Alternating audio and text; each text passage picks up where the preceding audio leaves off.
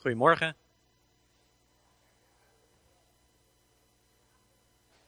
Ik uh, mag het vandaag met jullie hebben over uh, deel 1 uit de serie Veelheid en Verscheidenheid van Gaven en Bedieningen. En uh, mijn preek heb ik geluid het gave lichaam. Uh, het gaat over de gaven. Maar ik wil ook met jullie stilstaan bij het lichaam dat gaaf is. En hoe het het gaafst is. Gaaf, ik weet niet of je de definitie kent, maar sommige mensen die zullen zeggen, oh dit is gaaf, dit is cool, dit is vet, uh, dit is, is lauw nog een woord? Dit was lauw. Um, maar gaaf betekent ook heel, compleet, gaaf. Ik wil het met jullie dus hebben over hoe wij als lichaam kunnen functioneren, dat het gaaf mag zijn. En ja, dit wordt een gave preek. Het zal gaan over gaven en ik hoop dat jullie het ook een leuke preek zullen vinden. Ik wil met jullie naar 1 Korinthe 13, uh, 12, sorry. En daar uh, staat, een lichaam is een eenheid die uit vele delen bestaat. Ondanks hun veelheid vormen al die delen samen één lichaam. Zo is het ook met het lichaam van Christus. Wij zijn allen gedoopt in één geest en zijn daardoor één lichaam geworden. Wij zijn allen aan één geest doordrenkt, of we nu uit het Joodse volk of uit een ander volk afkomstig zijn. Of we nu slaven of vrije mensen zijn. Immers, een lichaam bestaat niet uit één deel, maar uit vele. En hij gaat door. Hij zegt, als de voet zou zeggen, ik ben geen hand, dus ik hoor niet bij het lichaam, hoort hij dan werkelijk niet bij? En als het oor zou zeggen, ik ben geen oog, ik probeer even met mijn oren te lezen wat hier staat. Nee, dat werkt niet. Ik ben geen oog, dus ik hoor niet bij het lichaam. Hoort het er dan werkelijk niet bij? Als het hele lichaam oog zou zijn, waarmee zou het dan kunnen horen? Als het hele lichaam oor zou zijn, waarmee zou het dan kunnen ruiken?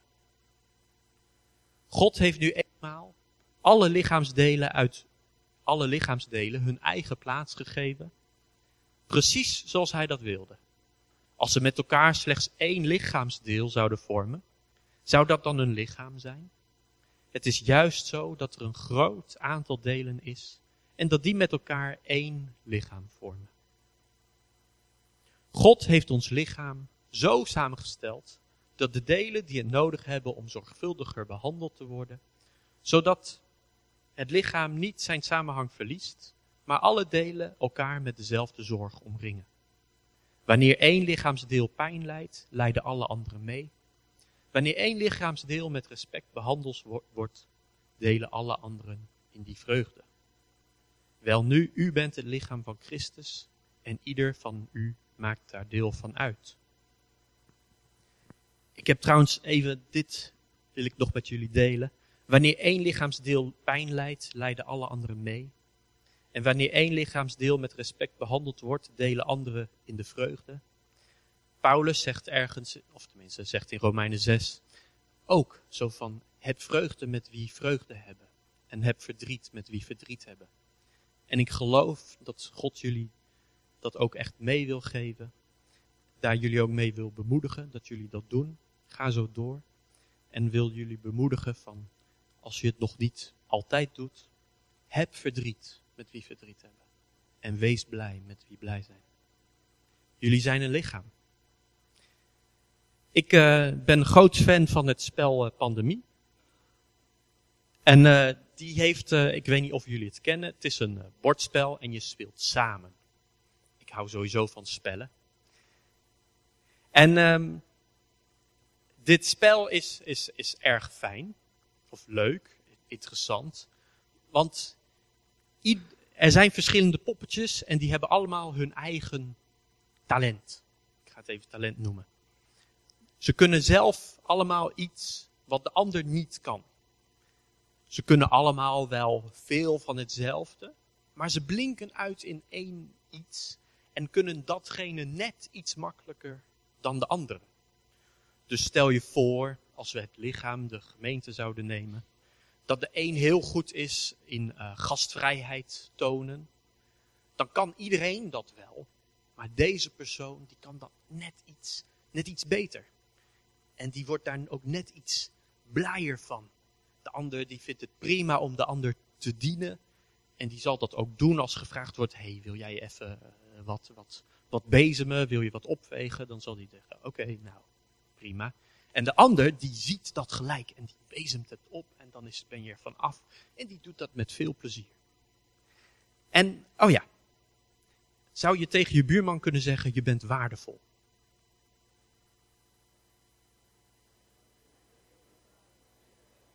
Je buurvrouw mag ook.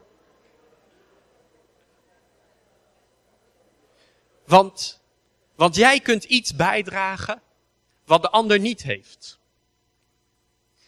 En God die zal, die zal jou nooit vragen wanneer je aan de hemelpoort komt. Stel je voor dat dat gebeurt, dat er een hemelpoort is. Die zal jou dan niet vragen, of Petrus zal dan niet tegen jou zeggen, waarom was je niet meer als Mozes? Mozes, dat was zo'n geweldige kerel, waarom was jij niet meer als Mozes? Nee, dat zal hij nooit van je vragen. Dat zal God ook nooit van je vragen. Jij mag bijdragen waar jij goed in bent. En dat kun jij het best.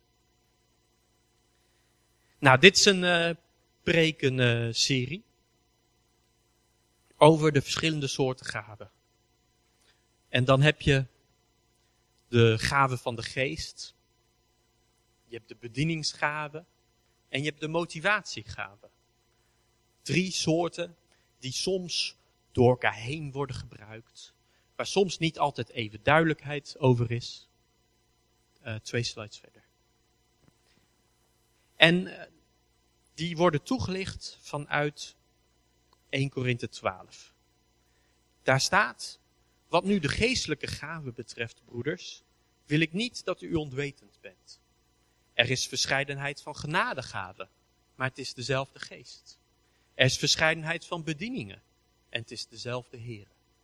Er is verscheidenheid van werkingen, maar het is dezelfde God die alles in allen werkt. Aan ieder echter wordt de openbaring van de geest gegeven tot wat nuttig is voor de ander. Je zult zien dat wanneer er onderwezen wordt over deze dingen vanuit de Bijbel, dat het dan telkens gaat over wat nuttig is voor de ander, tot opbouw van de ander. Je bent een lichaam en ieder draagt bij aan de ander. Mijn benen kunnen heel goed lopen, maar als ik, nou, ik heb natuurlijk gespiekt, maar als ik niet goed ook mijn ogen zou kunnen gebruiken, dan zou ik vallen. Muziek was prachtig, dankjewel. Maar als ik niet kon horen, dan had ik dat niet meegekregen. Dan zijn er waarschijnlijk wel andere manieren om alsnog muziek mee te kunnen krijgen. Maar het wordt net wat anders.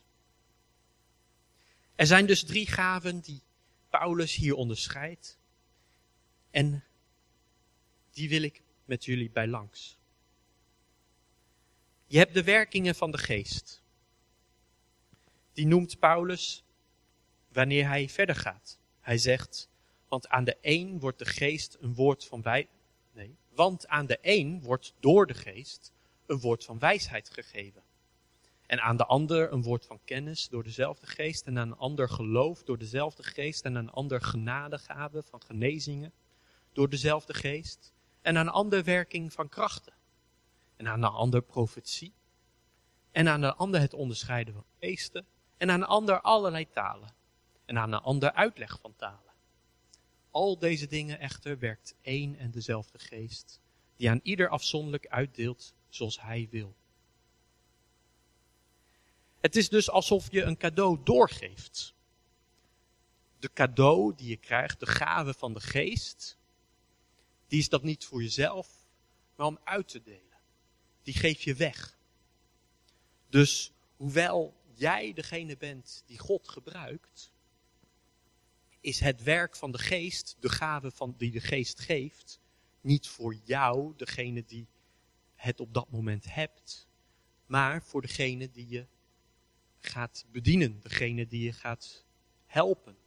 Dus bijvoorbeeld, stel je krijgt een, een woord van God, dan is dat niet om voor jezelf te houden, maar juist om een ander mee te bemoedigen.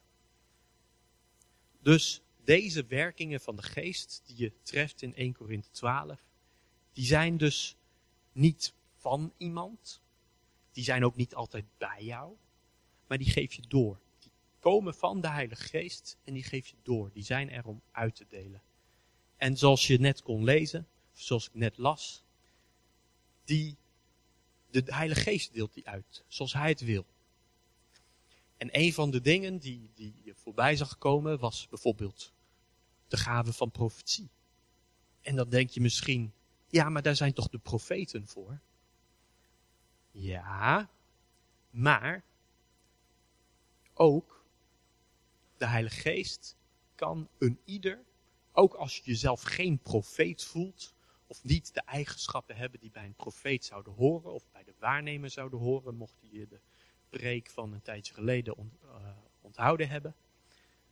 Maar ook jij, die nog nooit eerder geprofiteerd hebt, als je openstelt en als de Heilige Geest het goed dunkt dat jij een ander bemoedigt met een woord van profetie, dan kun jij een profetie hebben en kun je denken van, oh, ik ben geen profeet, maar ik heb wat van God gehoord. Ik heb het idee dat ik die ander hiermee kan bemoedigen. Laat ik het toch maar doen.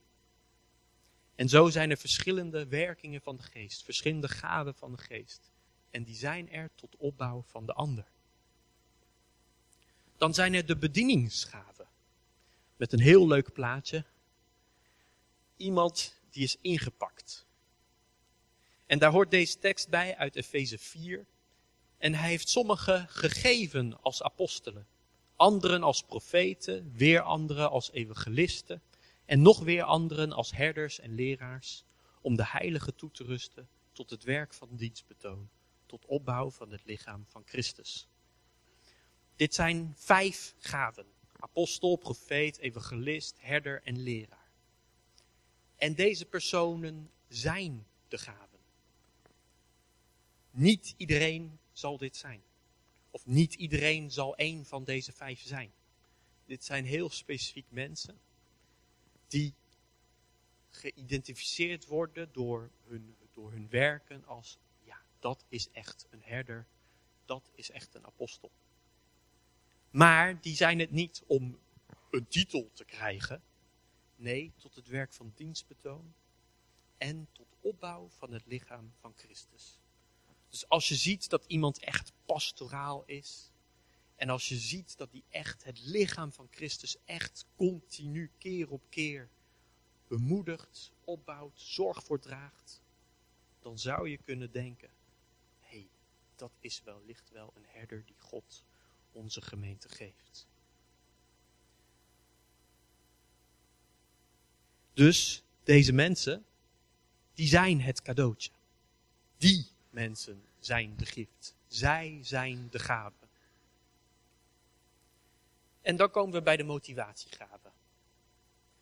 De verschillende motivatiegaven ga ik bij langs. En die vind je in Romeinen 12. Vanaf vers 4 lees ik. Zoals ons ene lichaam vele delen heeft. En die delen niet allemaal dezelfde functie hebben. We hadden net ook al over het lichaam. Zo zijn wij samen één lichaam in Christus. En zijn we ieder apart elkaars lichaamsdelen. We hebben verschillende gaven, onderscheiden naar de genade die ons geschonken is. Wie de gave heeft te profiteren, moet die overeenstemming met geloof gebruiken. Wie de gave heeft te dienen, moet bijstand verlenen. Wie de gave heeft te onderwijzen, moet onderwijzen. Wie de gave heeft te bemoedigen, moet troosten. Wie iets uitdeelt, moet dat zonder bijbedoelingen doen. Wie leiding geeft, moet dat met volle inzet doen. En wie barmhartig voor een ander is, moet daarin blijmoedig zijn. Zeven verschillende gaven. Een tijdje geleden heb ik die ook met jullie behandeld, zijn we daar langs geweest. Maar ik heb toen niet echt concrete voorbeelden uit de Bijbel erbij genoemd. En die wil ik dit keer wel met jullie bij langs. Laten zien hoe God deze verschillende gaven, mensen met deze gaven, gebruikt en gebruikt tot opbouw van zijn koninkrijk, zijn plan werkelijkheid doet worden. En ik wil nog één tekst met jullie bij langs, 1 Petrus 4. Laat ieder de ander dienen met de genadegave zoals hij die ontvangen heeft als goede beheerders van de veelsoortige genade van God. Als iemand spreekt, dan als iemand die de woorden van God spreekt. Als iemand dient, dan als iemand die dient uit kracht die God schenkt. Zodat in God in alles verheerlijkt wordt door Jezus Christus. Hier zou je ineens denken dat er twee verschillende soorten gaven zijn. De gave van spreken en de gave van dienen. Ten eerste, ze zijn allebei uit God. De die spreekt, die doet dat met woorden van God. En degene die dient, doet dat met de kracht die God geeft. En als je kijkt naar de zeven gaven die genoemd zijn, bijvoorbeeld profiteren of leraar, dat zijn mensen die gebruiken hun mond, die spreken. Als je kijkt naar bijvoorbeeld de dienaar of de barmhartige, dan, dan zijn dat mensen die hun, die hun kracht, die hun energie gebruiken om met hun lichaam te dienen. Om met hun, met gewoon dina, om, ja, met hun kracht, met hun energie, het lichaam te dienen. Dus je zult, je kunt die twee, die, die, die groep van zeven, kun je rubriceren in gaven die spreken en gaven die dienen, die hun kracht gebruiken. En je mag weer wat tegen je buurman, buurvrouw zeggen. God is aan het werk in jou. Zoals je in die tekst van net kon lezen, is het God die het doet. Vanuit God, door God, met God, voor God. God is aan het werk in jou. Jullie mogen dat nu doen hoor.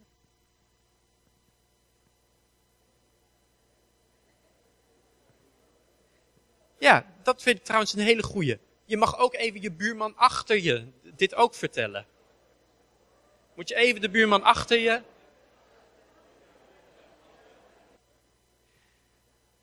Dit doe ik stiekem ook als een soort van, als een soort van break tussendoor, zodat je ook weer eventjes je, je spieren kunt, uh, kunt gebruiken en een soort van fitness. Nou, de eerste die ik bij, met jullie bij langs wil is Johannes de Doper. Johannes de Doper, dat zou je echt wel een profeet kunnen noemen. Als we kijken naar wat over hem staat in Lucas, dan lezen we daar in het vijftiende jaar van de regering van keizer Tiberius geschiedde het woord van God tot Johannes, de zoon van Zacharias, in de woestijn. En hij kwam in heel de omgeving van de Jordaan en predikte een doop van bekering tot vergeving van zonde, zoals geschreven staat in het boek van de woorden van de profeet Jezaja. De stem van iemand die roept in de woestijn, maak de weg van de Heere gereed, maak zijn paden recht, elk dal zal gevuld worden en elke berg en heuvel zal geslecht worden. De kromme wegen zullen recht worden en oneffen tot effen wegen. En alle vlees zal de zaligheid zien van God, die van God komt. We zien hier dus dat, sorry, eentje terug weer blijf hier. Super, dankjewel. Dank je. Um, we zien hier dus dat Johannes die, die predikt. Hij gebruikt zijn woorden. Maar hij predikt ook wat hij weet dat van God komt. En hij, eerlijk gezegd, predikt hij niet bemoedigende dingen per se. Maar een doop van bekering. Bekering betekent dat als je deze kant op gaat, dat je dan je 180 moet omdraaien en die kant op moet. Oftewel, veel mensen die vinden het fijn om gewoon hun, hun dagelijks ding te doen, om gewoon altijd een beetje hetzelfde te doen. Om gewoon, het, is, het voelt toch gewoon fijn om een beetje je eigen routine te hebben. Ik vind dat wel fijn. Maar als je moet bekeren, dan moet je dus die, die routine dingen, die moet je dus opgeven. En dat vinden mensen meestal niet leuk om te horen. Dus zo'n zo'n profeet of zo'n waarnemer, deze persoon gebruikt God.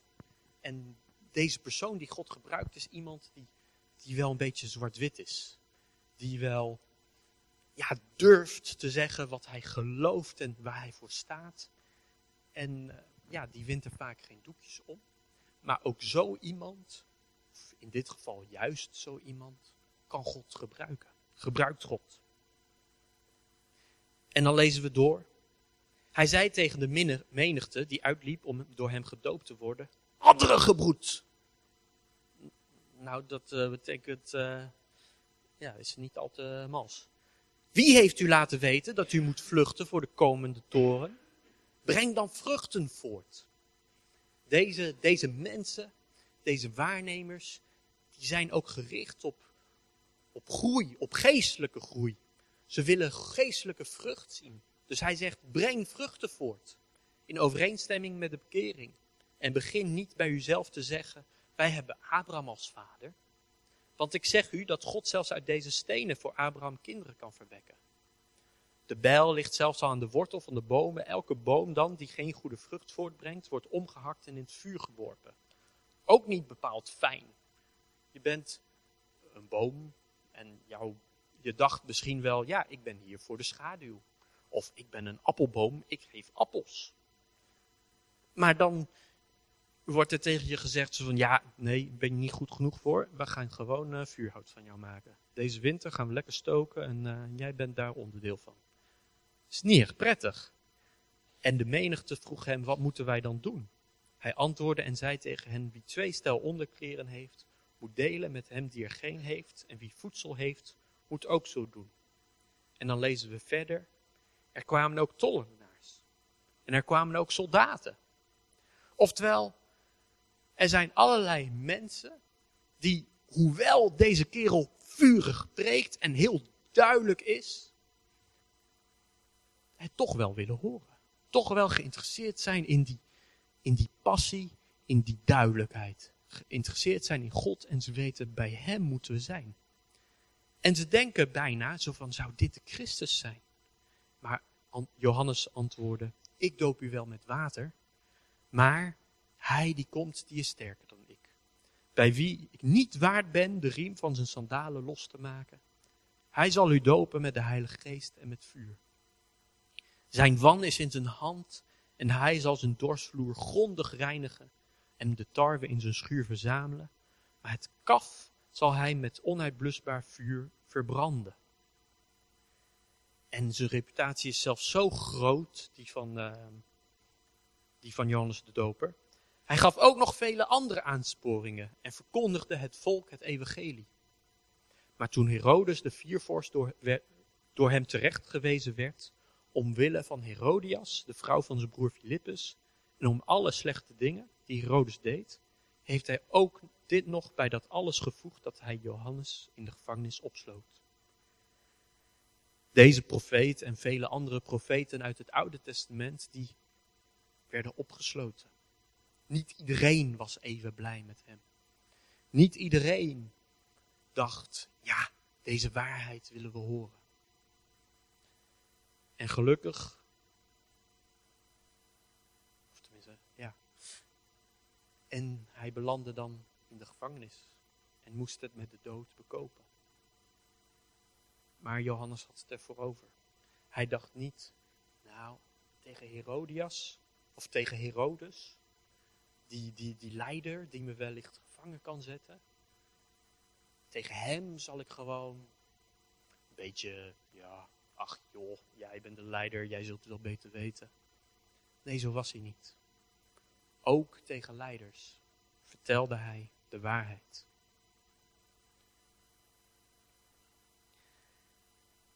Ook tegen leiders was hij zwart-wit. Was hij duidelijk. En ook in een gemeente, ook in het lichaam, heb je soms van die mensen die heel zwart-wit zijn. Die duidelijk weten hoe het hoort. En soms zijn ze een beetje ongenadig. Maar God gebruikt ze wel. En, maar het kan toch zijn dat, dat jouw gave, dat, jou, dat jij een beetje botst met dit soort mensen. Want misschien ben jij wel veel meer een bemoediger. Een bemoediger zoals Barnabas. Barnabas, zo zien we in de Bijbel, die wordt zelfs door zijn door de, door de apostelen. Eigenlijk heette hij Jozef of Jozef. Maar door de apostelen wordt hij ineens Barnabas genoemd. En dat betekent een zoon van vertroosting. Een bemoediger. Ze zagen in hem echt een bemoediger. Dus daarom besloten ze hem een, een nickname te geven. Jozef, nee, jij bent gewoon echt een Barnabas. En zo noemden ze hem. En deze Barnabas, we zien dat hij hoort over de gemeente die in Antiochië ontstaan. En hij besluit daar naartoe te gaan. En toen hij daar gekomen was en de genade van God zag, werd hij verblijd. En spoorde hij hen allen aan om met een hartelijk voornemen bij de Here te blijven. We zien hier dat hij dus blij is. Deze bemoedigende mensen, die zijn vaak blij. Die, en hij spoorde hen allen aan. Die zijn vaak aanmoedigend, bemoedigend. Die, die, die willen echt wel een, een groei zien, maar op een manier, op een soort van bemoedigende manier probeert deze kerel dat voor elkaar te krijgen. En hij was een goed man en vol van de Heilige Geest en van geloof. En er werd een grote menigte aan de Here toegevoegd. God gebruikte deze bemoedigende man om mensen aan de gemeente toe te voegen. Net zoals dat God Johannes de Doper gebruikte om het woord te verkondigen en om menigten uh, klaar te maken voor de komst van de Heer Jezus. God gebruikte de profeet en God gebruikt nu ook de bemoediger. En dan lezen we dat hij naar Tarsus gaat om Saulus te zoeken. En toen hij hem gevonden had, bracht hij hem naar Antiochië. Trouwens, hier zie je Saulus. Saulus, oftewel Paulus, die wordt soms nog Saulus genoemd. Verderop wordt hij veel vaker weer Paulus genoemd. Maar Paulus, die was naar Tarsus gegaan en daar bleef hij. En eigenlijk had, hadden heel veel discipelen, apostelen, heel veel christenen, die hadden nog zoiets van, ja, hij vervolgde ons. En ze waren nog een beetje bang voor hem. Maar deze Barnabas, die was niet, die was goed gelovig. Die was optimistisch. Die gaf Paulus een tweede kans. En hij zei, weet je wat, ik ga wel Paulus opzoeken. En het gebeurde dat zij een jaar, heel jaar met de gemeente samenkwamen en een grote menigte onderwezen. En dat de discipelen voor het eerst in Antiochië christenen genoemd werden.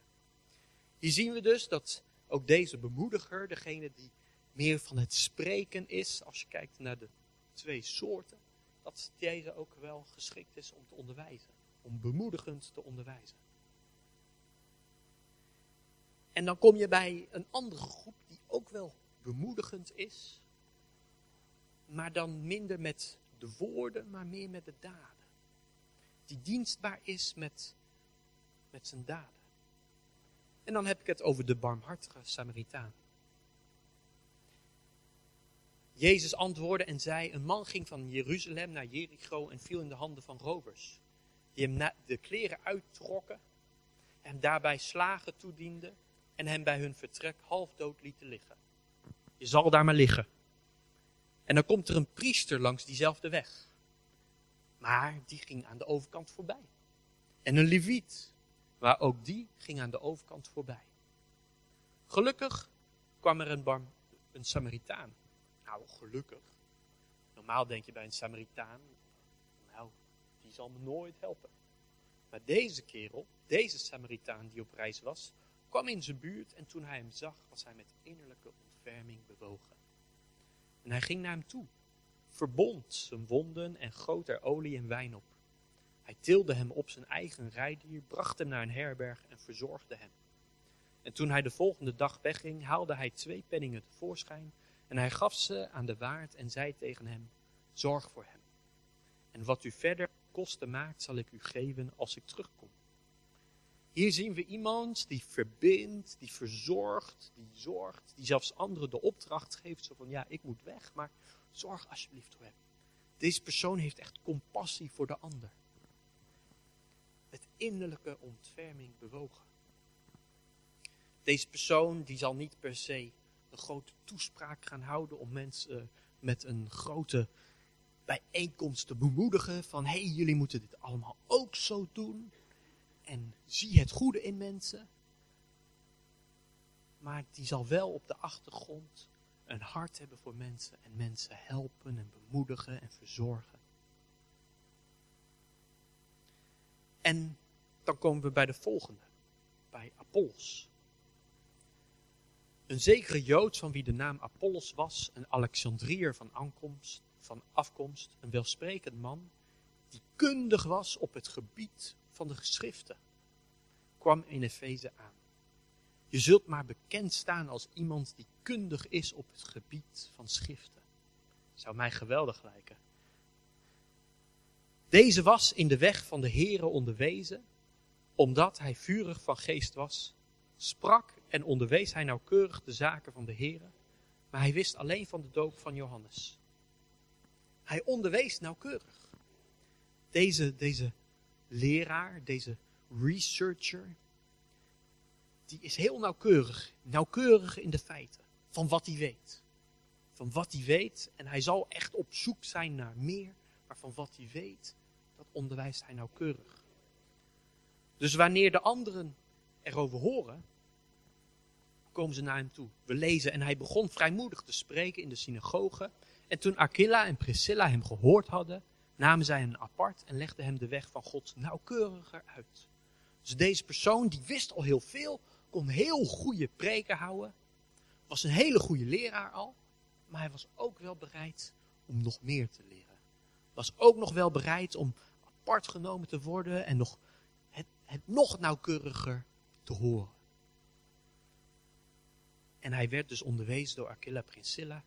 En dan zien we dat er vervolgens staat, en toen hij naar Achaïe wilde reizen, bemoedigden de broeders hem en schreven aan de discipelen dat zij hem moesten ontvangen.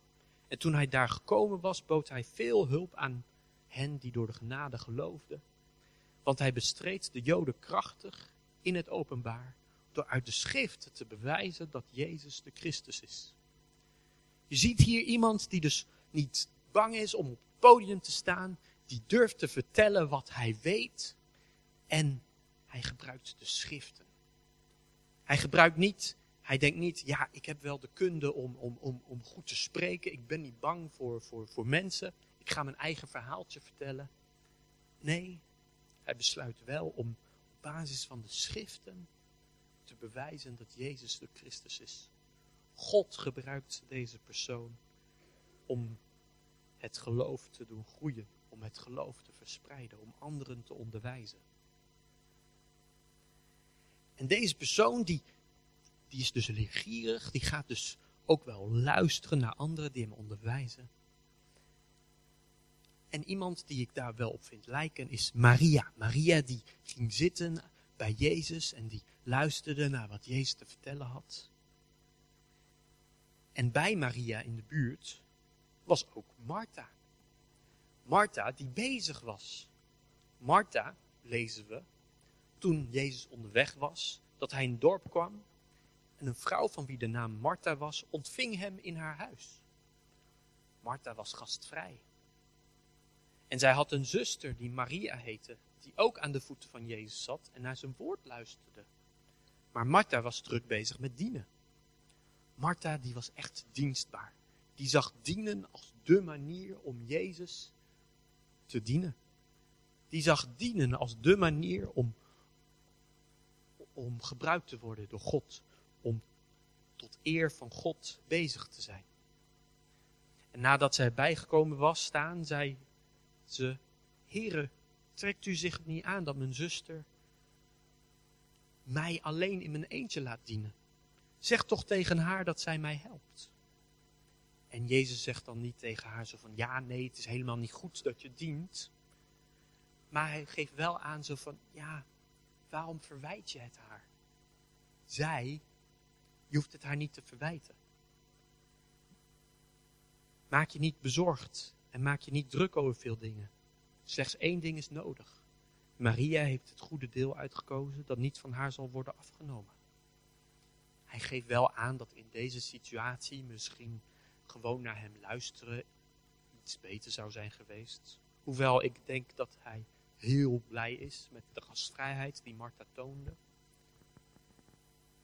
En elders in de evangelie zien we dat, dat Martha en Maria een bijzondere samen met Lazarus een bijzondere plek bij Jezus hadden. Maar hier zien we in ieder geval een voorbeeld van hoe God gediend wordt. Letterlijk, want Jezus is God. Hij wordt ter plekke bediend door Martha. En er zijn ook andere soorten dienaars, ijverige mensen die hard werken en er nog een slaatje uit weten te slaan, zoals Dorcas. Er was in Joppe een zekere discipline van wie de naam Tabitha was, wat vertaald Dorcas betekent. Deze was overvloedig in goede werken en in liefdegaven die zij schonk. Ze deed goede werken en ze gaf liefdegaven. Ik weet niet of je nog het rijtje van zeven gaven kent, maar één daarvan is de gever.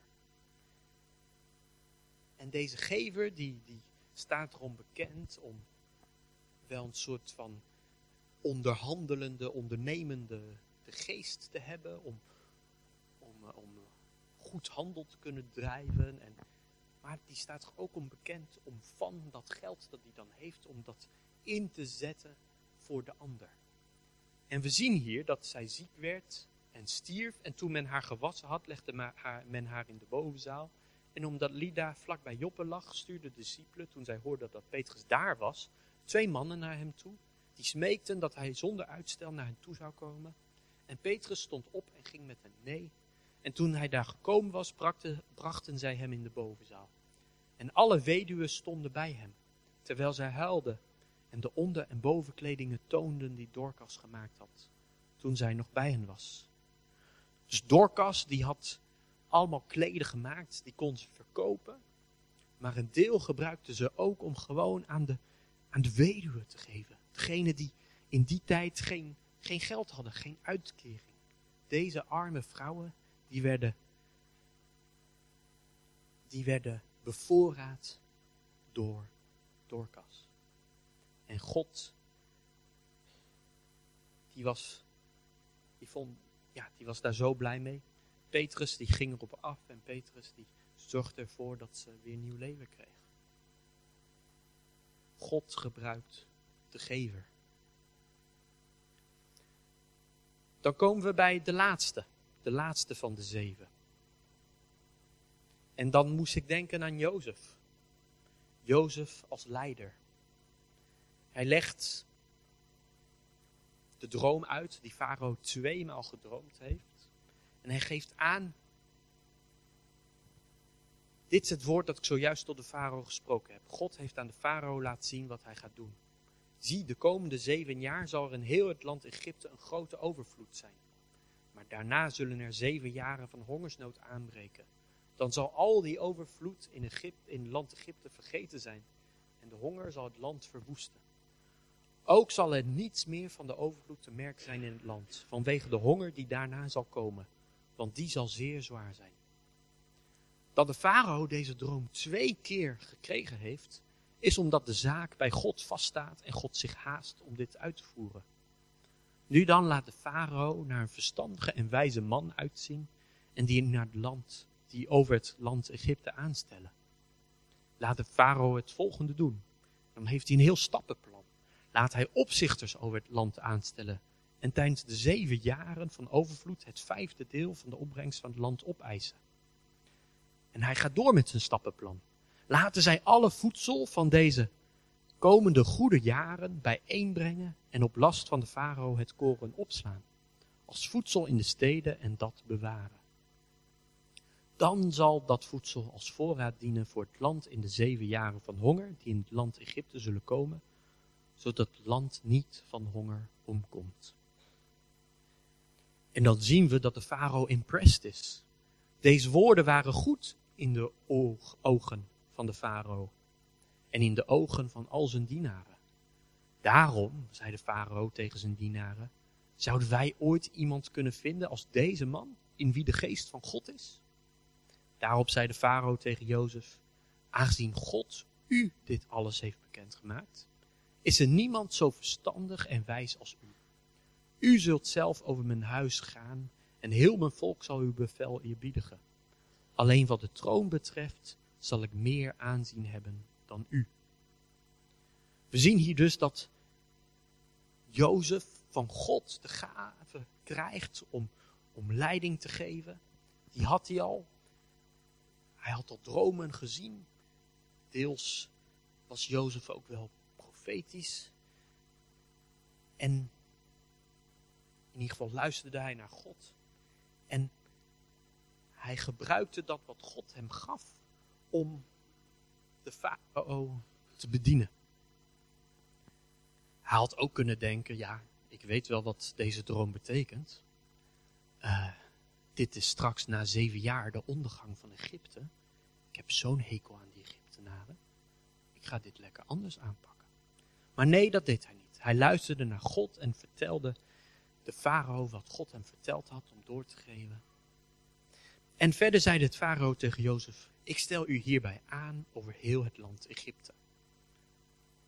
En later zien we dat Jozef tegen zijn broers zegt, God heeft mij voor jullie uitgezonden. Om voor jullie een overblijfsel veilig te stellen op aarde. En jullie door een grote uitredding in leven te brengen. In leven te houden. Nu dan, niet jullie hebben mij hiertoe gestuurd, maar God. Hij heeft mij aangesteld als een vader voor de farao, als heer over heel zijn huis en als heerser over heel het land Egypte. We zien hier dat God bezig is. God had hem aangesteld. God was bezig.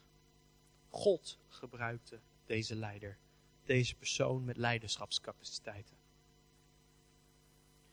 Zo zien we dus zeven verschillende personen, zeven verschillende plaatjes, zeven verschillende mensen die, die God gebruikt. Zeven mensen met allerlei verschillende gaven.